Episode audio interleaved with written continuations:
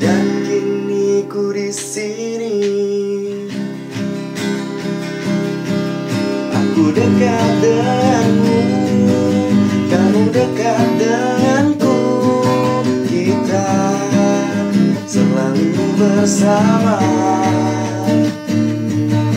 Aku dekat denganmu, kamu dekat denganku.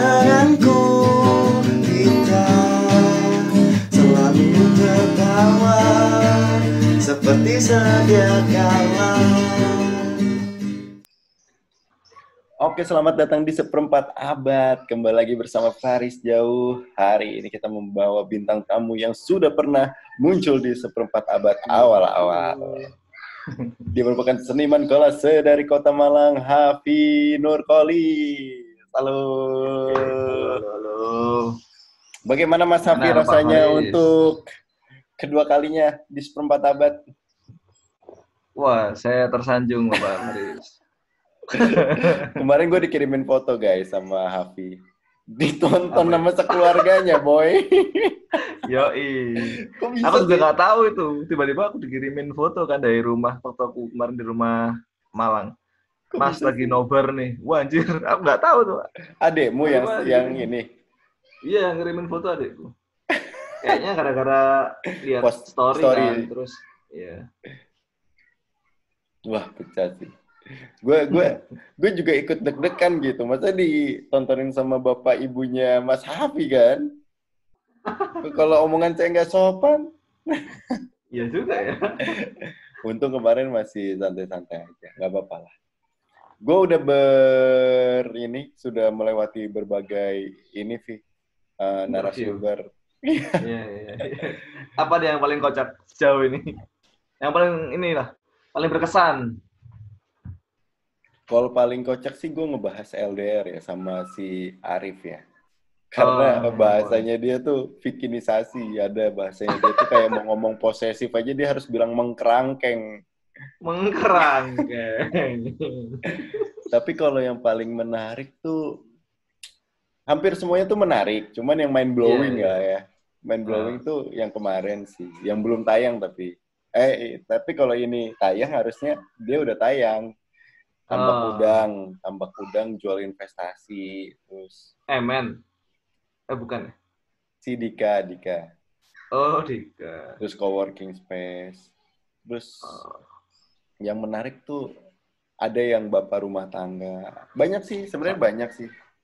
Proses-proses kehidupannya tuh banyak dan emang nggak jangan sampai sama ya dalam satu episode yang berdekatan tuh jangan sampai sama. Tapi kalau nanti untuk nge-refresh sama orang yang berbeda sih nggak ada masalah. Biar nggak bosen Hmm. aja. Jadi gue sama Afi hari ini mau eh, membahas tentang bagaimana rasanya menjalani kelas akselerasi. Bapak, Axel kelas berapa, Pak? Karena kita berdua adalah mantan anak akselerasi. Kamu dulu kelas berapa, Riz Axel? Aku SMP baru akselerasi. Jadi aku kelas 1 sampai kelas 3 SMP. Kamu akselerasi kapan pas kapan? SMA. Tuh, ya Allah, akselerasi pas SMA. Gila, boy. Jadi jadi kita harus menjelaskan dulu, Vi. Jadi kita lebih Gimana, discuss, discuss kan kalau yang sebelum iya, iya. kolase saya berguru dong. Iya dong. Enggak juga sih. Terus gimana, gimana, gimana? Jadi eh, akselerasi itu kan merupakan program percepatan eh, kalian di sekolah di sekolah baik itu di SD, di SMP ataupun di SMA. Nah, cuman Hmm. kalau di kuliah ada program Axel tapi namanya fast track. Oh iya, iya. Pernah dengar, pernah dengar.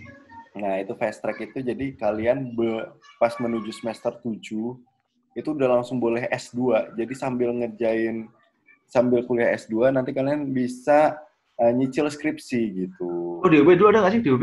Ada. Dari dulu gue pernah, tapi gagal, gagal dalam pencalonan. yang yang yang beasiswa ya, yang beasiswa. Kalau mau yang Oh, bisa beasiswa juga. eh, ya biasanya dibukanya beasiswa. Kalau yang enggak ya bayarannya sebenarnya S2 biasa. Pakai embel-embel kahim nggak bisa ya? Saya kahim loh Pak gitu. Ketua himpunan tuh nggak menjamin lu pinter secara akademis sih. Tapi disayang masyarakat iya. nah ini kan program akselerasi ini cuman yang dialami sama gue sama Hafi itu kan waktu pas em, mengenyam bangku sekolah bangku sekolah yang tiga tahun. Hmm. Jadi awalnya kita harus menjalani sekolah itu tiga tahun, hanya dipangkas menjadi dua tahun saja. Dengan harapannya di usia yang sangat muda, Anda bisa berkarir secara cemerlang dengan cepat. Jadi Harapannya. menjadi budak korporat dengan lebih awal gitu. semakin muda semakin bagus. Tapi ada nggak sih temanmu yang Excel dari SD sampai SMA? Ada cu. Aku juga ada sih. Kon ngerti Ngeri. ya? Enggak, kon ngerti ya? SD, SMP, SMA. 22 tahun jadi manajer. Wah, tapi Manajer Cemerlang ya, cemerlang ya. cemerlang tapi dia ya. Manajer multinasional corporation, bro. Mantap sih gila aku. 20 Berhasil tahun mem- memegang uang gaji bulanan 30 juta lebih ke atas, boy. Uh. Pulang pergi naik bluebird. Bukan, cuman... Emang gue merasa gini kan 22 tahun ya. Hmm. Dia dia dia kebetulan sampai anggaplah lu 17 tahun. Tuh 17 tahun mah usia kerja ya. Enggak, gue Hmm. gue pikirnya dia SD, SMP, SMA, kuliah akselerasi nanti human trafficking lagi. Karena usianya belum belum cukup. Tapi ya itu keberhasilannya dia itu gue punya satu contoh keberhasilan temen gue karena waktu gue Iya, kumpul iya. di Jakarta itu eh, ya yang berhasil kebetulan cuma dia yang standar standar kayak gue sama lu ya banyak yang cuma itu teman udah Axel dulu. teman Axel pas di SMP lebih tepatnya Waduh. gitu. Ngebut banget berarti ya.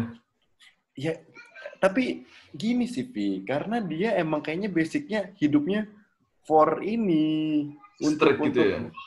iya stretch untuk belajar kayaknya tapi kan Akademis, sayang kalau heeh. belajar gak jadi dosen atau gak jadi profesor Iya. Mm-mm. Apalagi umurnya masih segitu. ya mu- Lumayan masih banget. muda masih muda masih panjang men 21 kita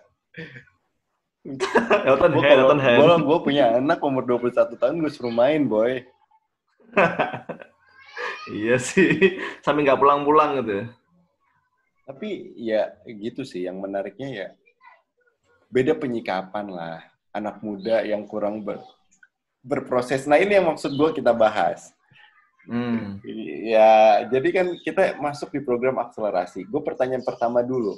Lu tes akselerasi lu apa? Karena gue tes akselerasi gue di SMP adalah tes IQ. Hmm, kamu dulu lah. Kamu SMP dulu nih, SMP dulu, SMP dulu, baru SMA nanti. Oh ya, aku di SMP Nah, tesnya tes IQ. Heeh. Terus apa namanya? Eh apa yang membedakan tes IQ Axel dengan tes IQ biasanya? Oke, jadi gini. Ini ini dari sekolah gue ya di SMP ya. Jadi kalau di Hmm. gue kebetulan SMP-nya dua kali nih di Manado sama di Palembang. Tapi dua-duanya akselerasi lanjutan.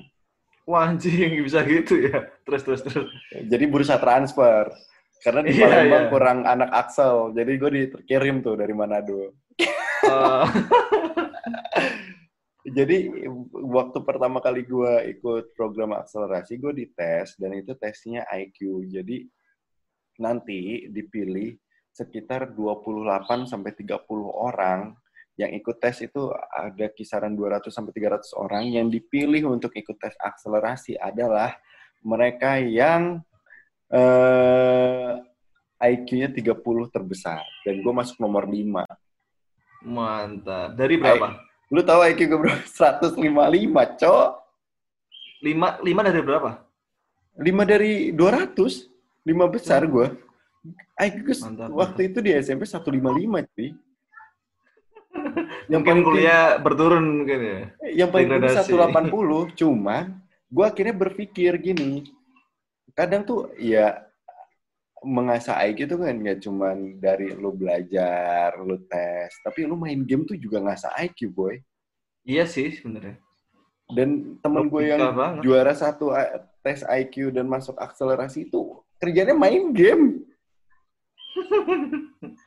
ya gitu, ya ini gitu. Dan di program SMP gua akselerasinya tuh menggunakan sistem eliminasi. Hmm. Jadi eh, kalau buat teman-teman yang nggak tahu, kalau misalnya akselerasi itu dua tahun. Satu tahun itu kita harus mengenyam kelas 1, kelas 2 secara bersamaan. Di tahun kedua lu full untuk eh, setahun penuh belajar tentang kelas 3 karena ini berpengaruh kepada ujian nasional biasanya. Hmm. Nah, sekarang lu kelas 1, kelas 2. Jadi dari enam bulan lu kelas 1, lu dibagi lagi menjadi tiga bulan semester pertama, tiga bulan semester kedua. Jadi setiap semester Anda harus ujian, boy. Benar sekali. Udah kayak kuliah ya, Apabila SKS -nya. semester pertama Anda nilainya paling bawah, tidak sesuai dengan standar akselerasi, Anda kembali ke reguler. Waduh, MDP sejak dini sepertinya Anda. Terbiasa program MVP. Dan lu harus tahu, Pi, yang paling gokil lagi, udah gak cuma aksel lagi, bilingual gua. Buset. Bahasa apa? Bahasa Inggris kan tapi. Iyalah, masa bahasa mah Jawa Timur. Bisa aja bahasa Arab, Cuk. Wah, lebih ini banget ya. Iya, terus terus terus. Terus udah gitu ya, udah udah Axel terus bilingual dan gue punya standar gue masih ingat banget gue gue di SMP 1 Manado dulu ya itu sama SMP 3 ada standar SKBM yang diberlakukan itu nilainya 8 8 jadi kalau lu di bawah 8 lu dapat nilai 7,9 Hmm. anjir tuh lu Kiamat, dianggap remedial Ya sama sih, aku juga segitu. Cuman emang dari SMP gue udah merasa bahwa ada something ini nggak fair sih. Hmm. Karena gue ngelihat kayak temen gue yang juara satu ya, itu harus ngumpulin nilai 100 di 9 mata pelajaran. Sedangkan Hmm. gue untuk mata pelajaran yang gak gue suka, nilai 80 itu ada bagus. Men, gue nggak suka pelajaran itu, gue dapat nilai 80. ya bagus, kalau gue nggak suka ya gue harusnya dapat 40, boy. Iya, iya sih. Eh tapi dulu satu kelas berapa orang? 30 dan adalah yang tereliminasi 1 sampai 2 orang. Nah, sebenarnya gini, yang tereliminasi 1 2 orang ini nggak bodoh, tapi Hmm. nggak mengi- dia bisa mengikuti program akselerasi. Lu tahu nggak, setiap orang yang tereliminasi dari program akselerasi akan menjadi juara satu di kelasnya di program reguler. Waduh. Karena dia sudah unggul duluan. Nemu- Kayak di manga-manga ya. iya, karena dia udah unggul mempelajari itulah. Gue udah tahu, gue nggak boleh mengulangi kesalahan gue di bidang ini. Tapi nggak tahu untuk program kelas 2, kelas 3-nya. Kan dia cuma Turun tier, bro. eh, turun dia. tier. Kan dia cuma kelas 1 duluan. Iya, Tapi iya. iya. minat untuk belajar di situ mungkin kebangun buat anak-anak yang itu. Eh, kamu tahu nggak kelas di eh, apa? Kalau SMA, anak di SMA dulu. Oh iya, iya. Jadi ceritanya sebenarnya aku SM, SD SMP itu anak biasa-biasa aja, ya nggak nggak unggul dan nggak paling bawah lah, tengah-tengah lah. Eh, pro- apa namanya? Eh, amatir lah, tengah-tengah lah pokoknya. Terus habis itu waktu masuk di SMA 8, aku kan SMA 8 nih, SMA 8 Malang. Sama Mehran ya? Waduh, eh Mehran tuh kakak kelasku SMP juga loh. Dia Oh, SMP iya? Sabili- SMP Islam dia dulu. Sabilillah. Sabilillah. Oke, oke. Terus habis itu masuk SMA 8, awalnya tuh belum Axel, masih reguler. Reguler. Jadi waktu itu Axel belum ada di sekolahku. Terus Jadi aku tuh angkatan pertama. lu Angkatan pertama, habis itu jalan sebulan dua bulan lah, baru diumumin ada tes Axel kayak gitu.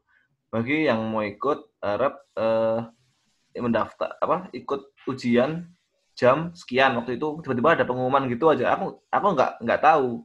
Sebenarnya pengumumannya udah lama, cuman waktu itu hari H si guruku itu eh, ngumumin di di sekolah gitulah di sound sekolah kalau mau ada tes Axel hari ini.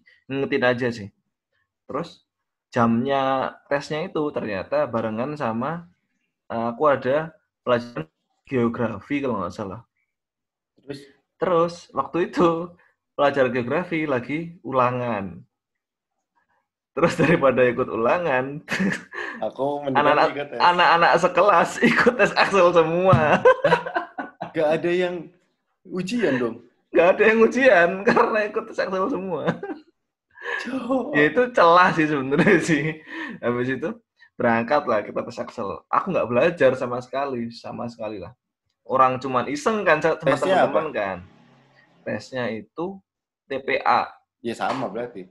tes hari pertama TPA. TPA itu ya waktu itu kan akademik. berarti hampir sama kayak ujian SMP kan, karena aku Iya. SMA kan. Ya udah, aku pakai nggak itu aja nggak cuman pakai logika aja Riz kayak jawab fisika itu kayak oh ini nggak mungkin nih, ini nggak mungkin, oh ini kayaknya nih jawabannya nih. Kayak gitu gituan, kayak analisis analisis aja gitu aku nggak nggak belajar Hmm. kan soalnya. Matematika juga cuman ya problem solving problem solving biasa.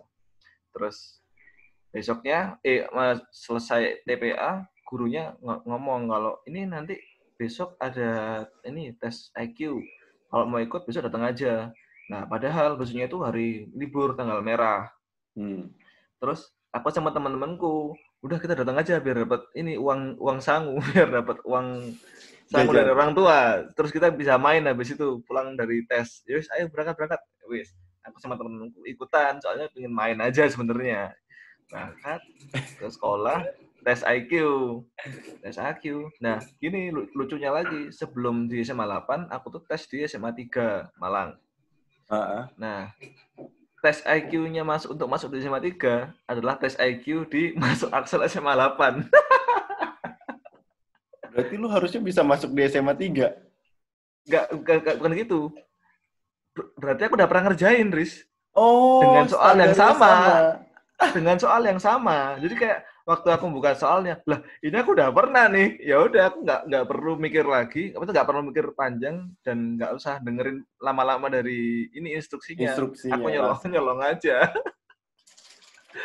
Pokoknya gara-gara aku udah pernah ngerjain jadi enteng aja lah. Dan itu aku nggak expect masuk juga sih. Ya kayak ya udahlah aku yang penting ngerjain. Selesai udah kita pulang main mana gitu. Selang seminggu apa kalau nggak salah eh, ini ada pengumuman untuk yang yang lihat pengumuman Axel bisa lihat di Mading gitu. Terus aku nggak mau lihat soalnya malah paling nggak keterima. Orang kemarin juga cuman ngawur iseng aja kok. Nggak lihat aku. Jalan lah ke kantin gitu. Ke kantin lewat mading sebenarnya tapi aku nggak nggak nengok. Orang-orang pada anak-anak pada gerumbul gitu kan. Aku nggak nengok ah males aku. Jalan aja lewat. Terus pas balik tuh temanku ada yang eh cuk melebu kamu cuk. Kok hah apa sih? Nggak ngerti aku. Kalau enak. Malah paling guyon paling.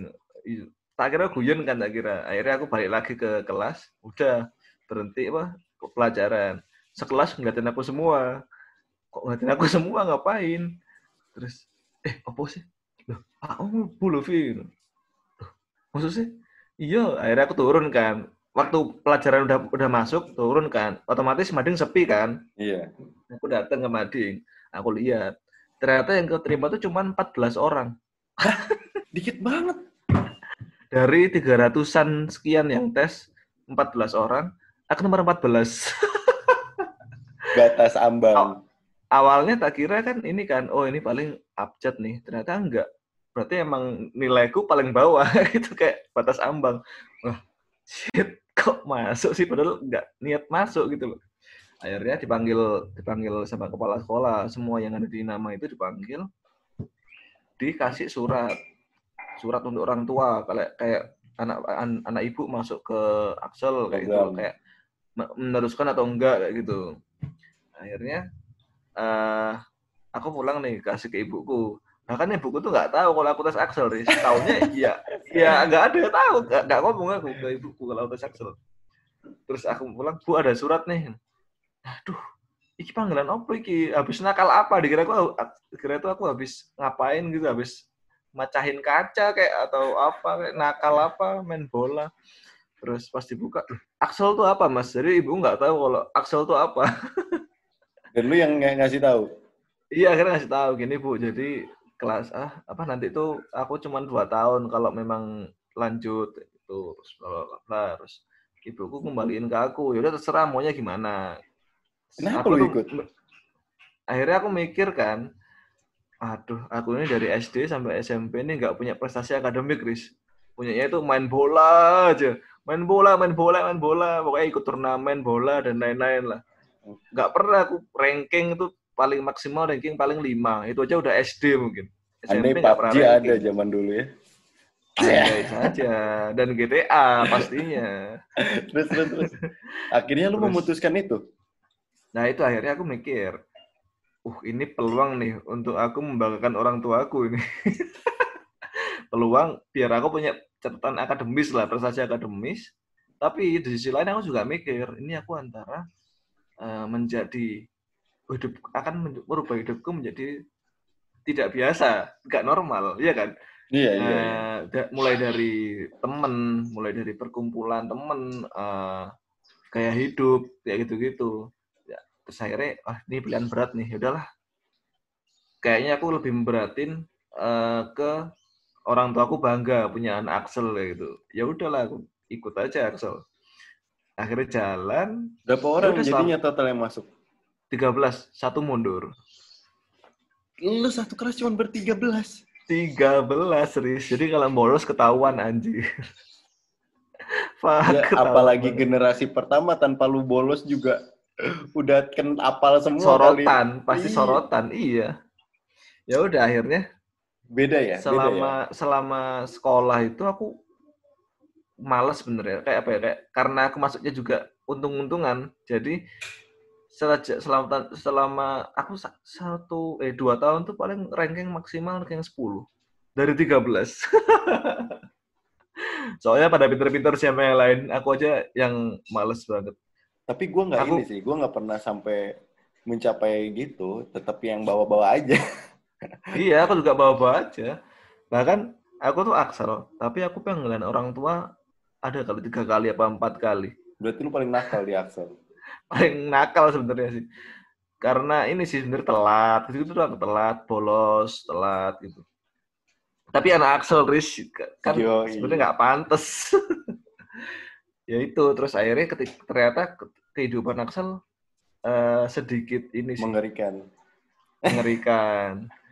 Eh. Jadi kayak apa? Gue waktu pas udah, tapi gue ngelihatnya sudut pandangnya beda sih. Bi. Hmm. Karena lu kan kategorinya lu yang memilih Ya, ya. dan pada saat itu lu udah SMA kan. Ya. Ya kalau anak SMP mana tahu cuy. Betul, betul. gue tuh baru ngerasain ngerinya itu waktu pas gue gue dulu SMP kan suka basket ikut ini kan ikut ekskul basket kan Iya, iya. terus ada pertandingan antar kelas kayak gitu tiap berapa bulan termasuk 17 Agustus kayak gitu kan terus gue di situ ngerasa sadar gue udah nggak bisa lagi ikut ekskul basket Iya, sama, sama, sama. Aku juga futsal. karena gue harus belajar bro Iya. Kalau kalau aku yang paling ketak kelihatan gini, kadang itu Axel tuh pulangnya lebih lama daripada reguler. iya Kayak- iya iya iya Nah, tapi karena aku memang dari SD kan Sabilillah kan. Jadi memang Sabilillah itu kan full day school, pulang jam 4 tiap hari. Aku Hmm. SD sampai SMP pulang jam 4. Jadi ketika aku Axel pulang jam setengah 4 tuh kayak ya udahlah, biasa. aja kayak gitu. Mm-mm. Cuman ya itu tadi nggak bisa ikut ekskul yang sore-sore kayak gitu. Jadinya banyak skip sih kalau kegiatan sekolah. Terus gue jalan pas pertengahan tahun, 6 bulan, di situ gue baru sadar, gue udah kelas 2. Angkatan gue kelas 1. iya, Gue nggak kenal anak kelas 2 dong. iya dong. aku juga merasakan hal yang sama. Di situ adalah eh, apa ya? Eh, Pertama kali gue masuk sekolah nggak punya teman. Kayak money haze, temen gue cuma itu itu doang, bu. Tapi kalau aku, kalau aku bedanya gini, Riz. Eh, yang bener sih kalau kalau aku bilang tadi kelas 2 eh, temennya kelas 1 semua.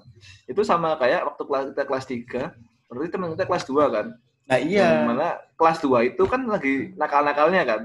Itu. Padahal kita nggak lagi serius-seriusnya kita lagi serius-seriusnya mau ujian. Wah itu parah sih. Jadi aku malah jatuhnya punya teman banyak Riz waktu itu. Tapi? Oh malah lu banyak ya?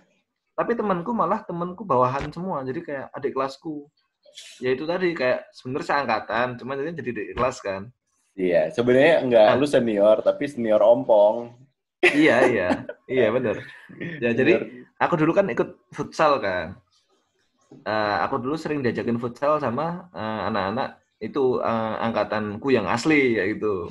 Karena aku sempat jadi angkatan mereka yang asli. Nah, karena aku sering ikut futsal itu, aku jadi sering diajakin tanding antar kelas gitu kan dulu kan. Pesan pesan di lapangan mana gitu. Nah, itu aku jadi kenal mulai dari IPA, IPS, bahasa, kenal semua aku, Riz. Semua, jadi akrab. semuanya kenal aku. Mm-mm, jadi kenal semua. Soalnya mereka juga gampang nga- ngehafal aku kan. Wah, Happy Happy Axel. Axel. Gitu. Iya, jadi ngehafal aku gampang. Heavy Excel. Anjay. Dan karena karena memang cuma 13 orang kan, jadi gampang. Gila, gila, gila, gila.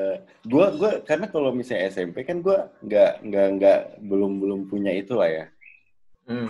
Belum Hmm. punya kesadaran yang lebih kayak anak SMA lah. Kalau gua kan masih ya pulang main game, main ini segala macam kayak gitu. Terus Hmm. belajar, belajarnya aja yang nggak masuk di akal. nah cuman im- impact impact yang gua rasakan adalah waktu pas SMA sih, Pi. Lebih bebas ya? gue bersyukur sih gue nggak ikut Ah. program maksa lagi pas SMA tapi ya impactnya gue ranking 35 sepanjang karir di SMA Kalau aku malah bersyukurnya di kuliah. Ya mungkin memang memang fasenya kali ya habis Axel terus bersyukur gitu ya.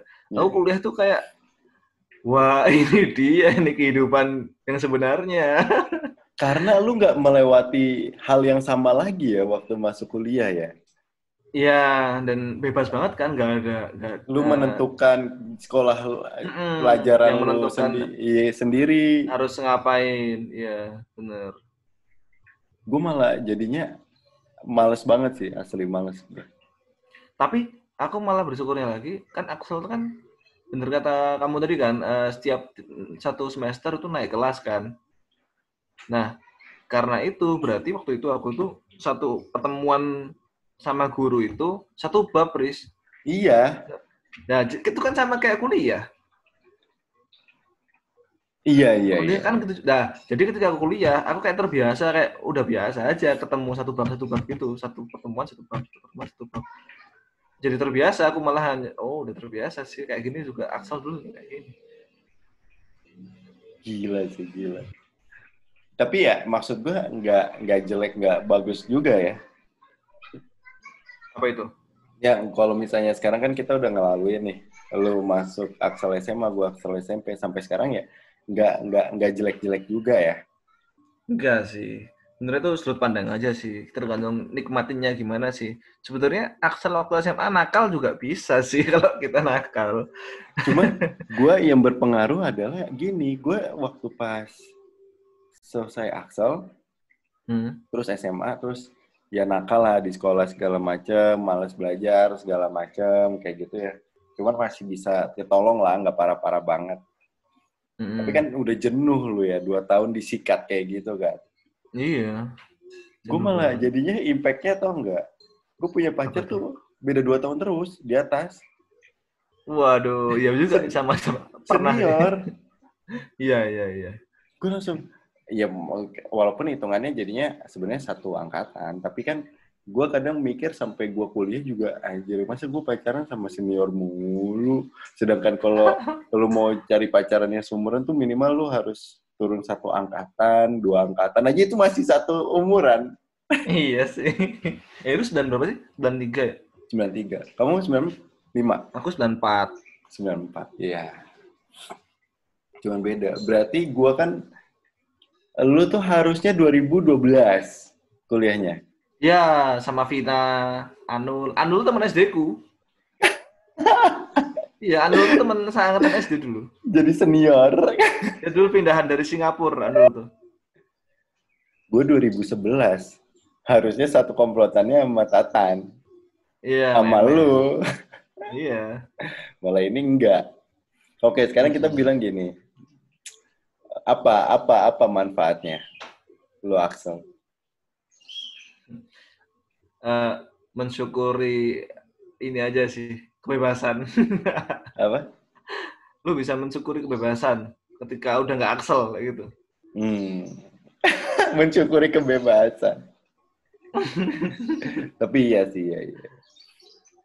Kalau gue ini, Pi, apa manfaat Axel ya? Ya, secara nggak sadar sih kita eh, eh, inilah bersyukur kalau misalnya ternyata sampai kita lulus kuliah sampai umur kerja, kalau kita jalanin tepat waktu, kita hemat beberapa tahun lebih awal. Oh iya iya, bener bener bener bener.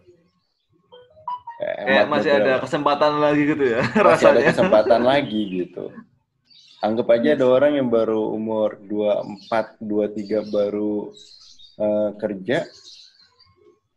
Kita misal sekarang nginjak umur 25 atau 26, kita kerja tuh dari umur 20 gitu. Iya iya iya. Tapi masa kuliah kita juga nggak nggak terbuang percuma, masih bisa main-main, ya kan? Iya iya.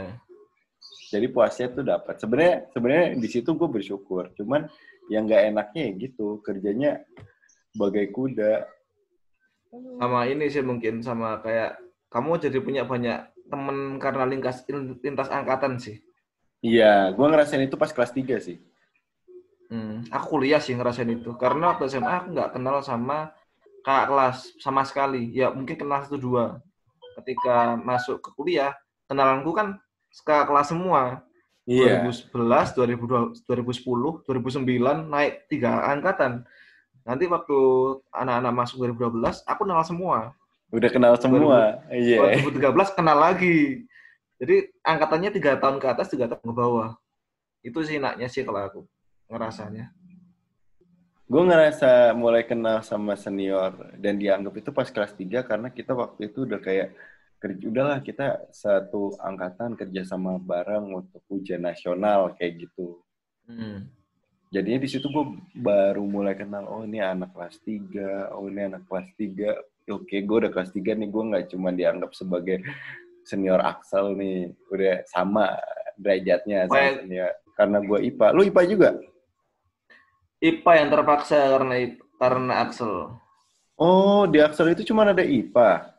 Iya, Astagfirullahaladzim. Memaksaan Anda. Pemaksaan. Ah, eh sekarang Axel udah udah gak ada loh Axel sekarang. Dihapus Axel sekarang. nggak ngerti aku. Iya dihapus sama sama negara dihapus. Alhamdulillah. Ya udah nggak apa-apa. Yang penting kita pernah ya. Men- Kita prototipe berarti, Riz. lumayan lah. Terus terus. Buat ya udah nggak udah nggak bisa ngasih pesan ya buat orang-orang yang mau ikut program akselerasi ya. Dulu itu parah loh, Vi. Kita umur lima tahun aja udah TK. iya juga ya. Sekarang nggak boleh. ya? Tujuh. TK? Iya. SD kali tujuh sekarang. Eh, SD. SD, SD 7, SD 7. Sorry. Kita masuk SD aja boleh umur lima tahun. Enam tahun. Lima Oh, tahun. lima enam tahun boleh? Boleh, Ah. gua. Lima setengah. Oh. Oh.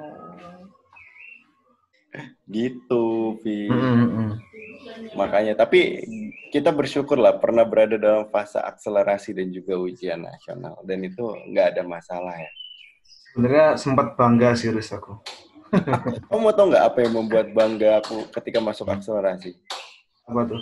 Gue berasal dari SD kampung, negeri kampung. Eh, dan perta- dan gak ada yang pernah expect dari SD itu bakal masuk ke SMP unggulan lah di kota itu dan sama sih.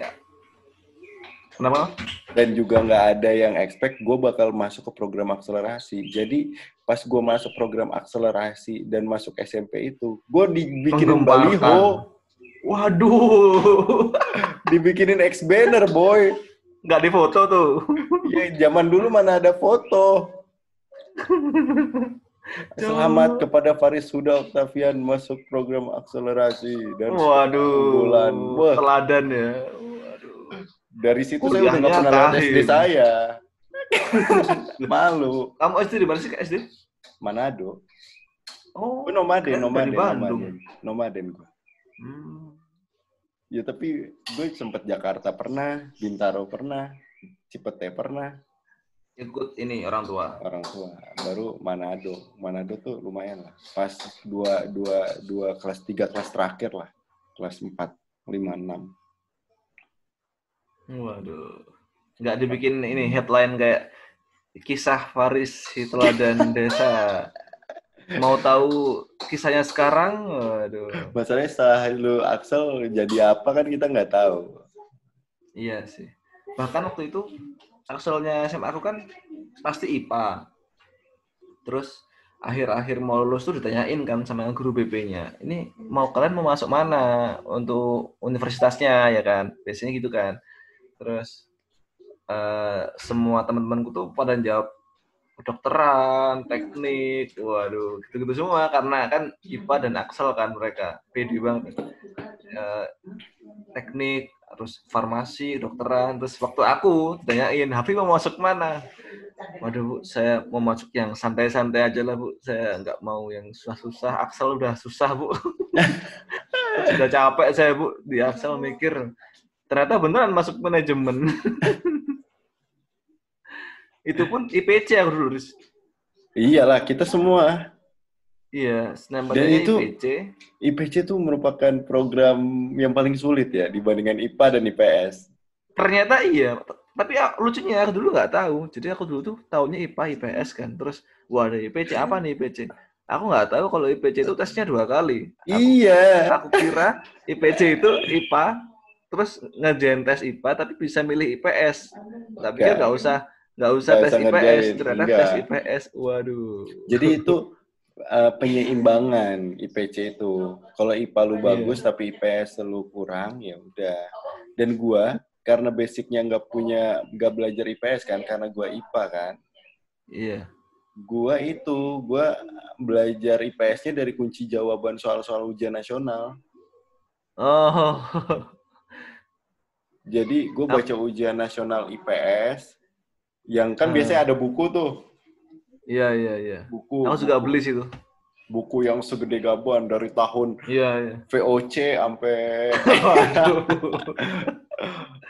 sampai Dari sekarang. tahun sekolah rakyat. Iya dari sekolah rakyat kan. Wah itu ujian nasional. Nah gue baca doang tuh IPS. Oh ini apa sih soalnya? Gue baca Hmm. soalnya, gue baca kunci jawabannya. Jadi gue tahu ekonomi adalah, geografi Oh, adalah, waduh. sejarah adalah. Pas gue ikut tes, boy, Eh, sampai sore nih. iya, aku juga. Kalau langsung keterima nggak masalah. Gue masuk berapa Iya. extension, SPMK gue. Oh, SPMK. Iya. Oh. Cuman ini temen lu nih si Aziza yang lihat rapot, wah langsung masuk. Kok bisa? Oh, kok bisa? Ya itu kan kalau dulu ada yang masuk jalur prestasi kan. Iya. Terus habis itu ada jalur non akademis, kayak Bella tadi kan ngobrol non akademis. Terus ada Hmm. tes biasa yang dari tes kampus-kampus yang Iya. nasional bareng apa sih namanya? Itu, UMPTN, uh, UMPTN. Terus Aku satu UMPTN lagi, tuh sih. Satu lagi ini tes SPMK extension perpanjangan Mandiri ya? buat teman-teman yang belum tapi berani bayar Beli mahal. kursi, beli kursi, berani beli bayar kursi. mahal. Bayar mahalnya tuh SPP-nya sih sebenarnya. Belajar Oh. gila gue bilang, sama tesnya bayar lagi. Aku ingat dulu pokoknya kelasnya Azizah itu kelasnya isinya anak-anak non akademis sama anak-anak kaya. Soalnya SPMK. Dah, kelasmu katanya kelas non akademis sama kelas anak-anak kaya. Pertama kali masuk.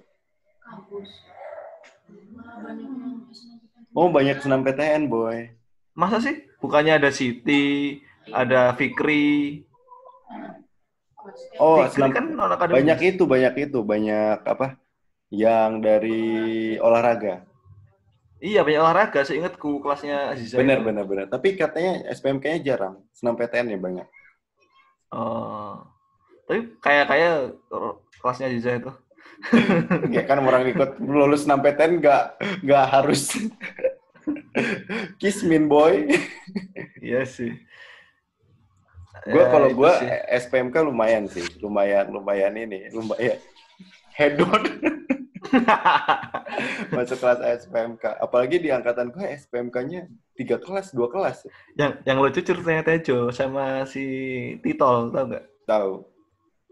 Tahu cara tahu ceritanya masuknya? Ah nggak tahu. Oh ngechat. Iya ngechat. Janganlah. Janganlah. jangan jangan jangan ditiru, jangan ditiru. Mereka kan nggak ini, nggak nggak nggak pengen bercerita di sini. iya makanya kan cuman kode aja. Itu beli kursi boy. Beli Nggak kan? Kalau kita kan tes, kalau kita kan tes. Cuman gue capek gini, kan gue dari Bandung, Vi. Hmm. Ikut tes dong di UI, di ITB, di Hmm. Unpad, di universitas-universitas negeri. terus terus. Bahkan senam PTN gue ngambil Brawijaya Manajemen, gak lolos. Waduh. IPC udah IPC coba. Berapa kali ujian lu harus melewatin dari pagi sampai sore. Iya iya iya. Baru terakhir emang ada itu sih temen gua juga di kalau gua kan keluarga gua aslinya Jawa Timur. Nah, temen gua ini aslinya Jawa Timur, cuman pindah ke Bandung Hmm. ngajakin tes di Brawijaya. Hmm. Ya udah akhirnya membuat gue sama dia termasuk beberapa anak Bandung. Jadi kalau dihitung anak Bandung di Brawijaya itu di angkatan gue ada berapa? Waktu pernah itu gue kumpulin 15. Satu UB. Kok dikit banget? Ancen dikit. Sebenarnya kan sama budayanya sama apa? Sama Malang. Jadi kalau misalnya mereka ya mereka nggak bakal keluar jauh-jauh lah, deket-deket aja gitu. Oh. Malah kebanyakan ya anak Jakarta juga dikit sih, tapi eksistensinya kan satu fakultas anak Jakarta bisa 10 15 orang, bisa Iya. 30 40 orang. Nah, ini gua di satu fakultas anak Bandung tiga, Siapa aja? Empat kayak seangkatan doang, seangkatan. Oh, seangkatan. Gile. Jadi begitu ya kisah Ya, ya, ya. ya. kisah-kisah anak akselerasi. Jadi kalau misalnya banyak yang nanya dari kalian bagaimana atau pernah ikut akselerasi, ya kadang menyenangkan, kadang enggak. Tadi gue udah singgung siapa orang yang berhasil, teman saya yang berhasil tembus akselerasi dari SD hingga SMA dan langsung kuliah S1, S2, 22 tahun. Semoga umurnya tidak aksel juga ya. 22 tahun menjadi manajer di MNC Corporation. Ke- gajinya kepala tiga. Jadi bapak-bapak yang nonton ini jangan ngambek ya. Bapak-bapak yang nonton ini anaknya suruh aksel habis ini ya, Bapak-bapak. Tapi nggak ada programnya. Eh, Oh iya udah enggak. lu belum cerita itu kisah teman lu yang sukses akselerasi sampai sekarang. Ada nggak? Dokter sih mungkin. Yes, aksel mulai SD juga sama. Sumpah jadi Dia dokter. dokter di umur berapa sekarang ya? Dia 96. 96, tapi oh, dokter udah dua tahun lalu. Itu berapa? Lu umur berapa? 25. Aku dua, dua, na- dua lima. Eh. Ya berarti dia 24 kan. Aku dua enam. Dua-dua berarti dia sama, dua-dua coy. Iya sama, dia, dia dokter, dokter, dokter, dokter ini dokter umum. Dok sudah menjadi dokter umum pas Iya, umur iya. 22. Iya iya. Kan dia harus ngelewatin itu dulu kan. Apa sih namanya? Koas koas. Koas, koas. Iya. Dua dua apa dua tiga ya? Sekitar itulah. Gile, boy. Lu udah aksel. Hmm. SD, SMP, SMA, kuliah ngambil dokter. Dan cepat langsung lulus koas lulus udah mantap.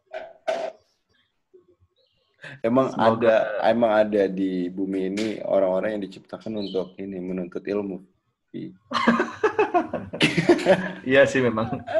Mungkin kita untuk menghibur mereka. Cuman teman-teman gue selalu bilang juga, teman gue ada yang bilang, kalau kita di sini untuk bermain. Kita di sini untuk menghibur orang-orang itu, Riz. eh, gue stres sih. Asli gue nggak kebayang sih, tapi gue stres sih kalau di situ. Iyalah dia udah stres waktu itu. Waktu SMA aja udah stres waktu itu. Serius? Ya maksudnya capek loh, capek Axel udah udah ngeluh-ngeluh terus capek Axel. Khawatir lah Tapi memang memang orang tuanya dokter, jadi orang tuanya ngarahin nuntut terus. kan. terus. Iya, les di mana-mana. Emang orang ini sih orang les-les gitulah. Anda berhasil menjadi dokter karena pilihan orang tua mantap boy. Waduh, jangan gitu dong, Mas. Ya mungkin aja dia menemukan jati dirinya pas udah jadi dokter kan nggak ada masalah. Tompi, dokter bernyanyi. Iya, bener bener bener. Sekarang sudah nggak ada yang nggak mungkin. Iya, bener bener bener. Orang Ya, semua ada hikmahnya. sebenarnya sebelum jadi Axel, di luar negeri itu banyak anak umur 16 tahun sudah lulus kuliah kan. Iya, iya. Mm. Harusnya wajar di Indonesia ada kelas Axel dulunya. Iya, harusnya. Cuman kan kita nggak sepintar dia sebenarnya. Secara alami kita dikurasi, dites. Iya. ya begitulah pokoknya lah cerita kita tentang eh, bagaimana lika-liku dunia akselerasi baik itu di SMP dan di SMA hingga akhirnya kita bertemu dan jadi satu band harusnya nama band kita akselerasi Waduh. Mo- Motorhead dong. motor nanti kita bakal ketemu lagi sama Hafi dan Yoga yang pernah muncul di pembahasan terkait warteg kita akan membahas mereka berdua karena memiliki band-band yang sangat gemilang di kota Malang. Waduh, mantap. jadi terima Fair. kasih Hafi untuk Yuk, hari makasih. ini ngobrol-ngobrol santai Bapak di seperempat abad thank you juga buat teman-teman yang sudah Yuk. nonton seperempat abad episode kali ini kalian bisa menonton seperempat abad di YouTube seperempat abad dan juga di podcast seperempat abad yang bisa kalian cek di Spotify thank you sekali lagi see you di next video bye bye Bye. Dan kini ku di sini. Aku dekat denganmu Kamu dekat denganku. Kita selalu bersama. Aku dekat denganmu Kamu dekat denganku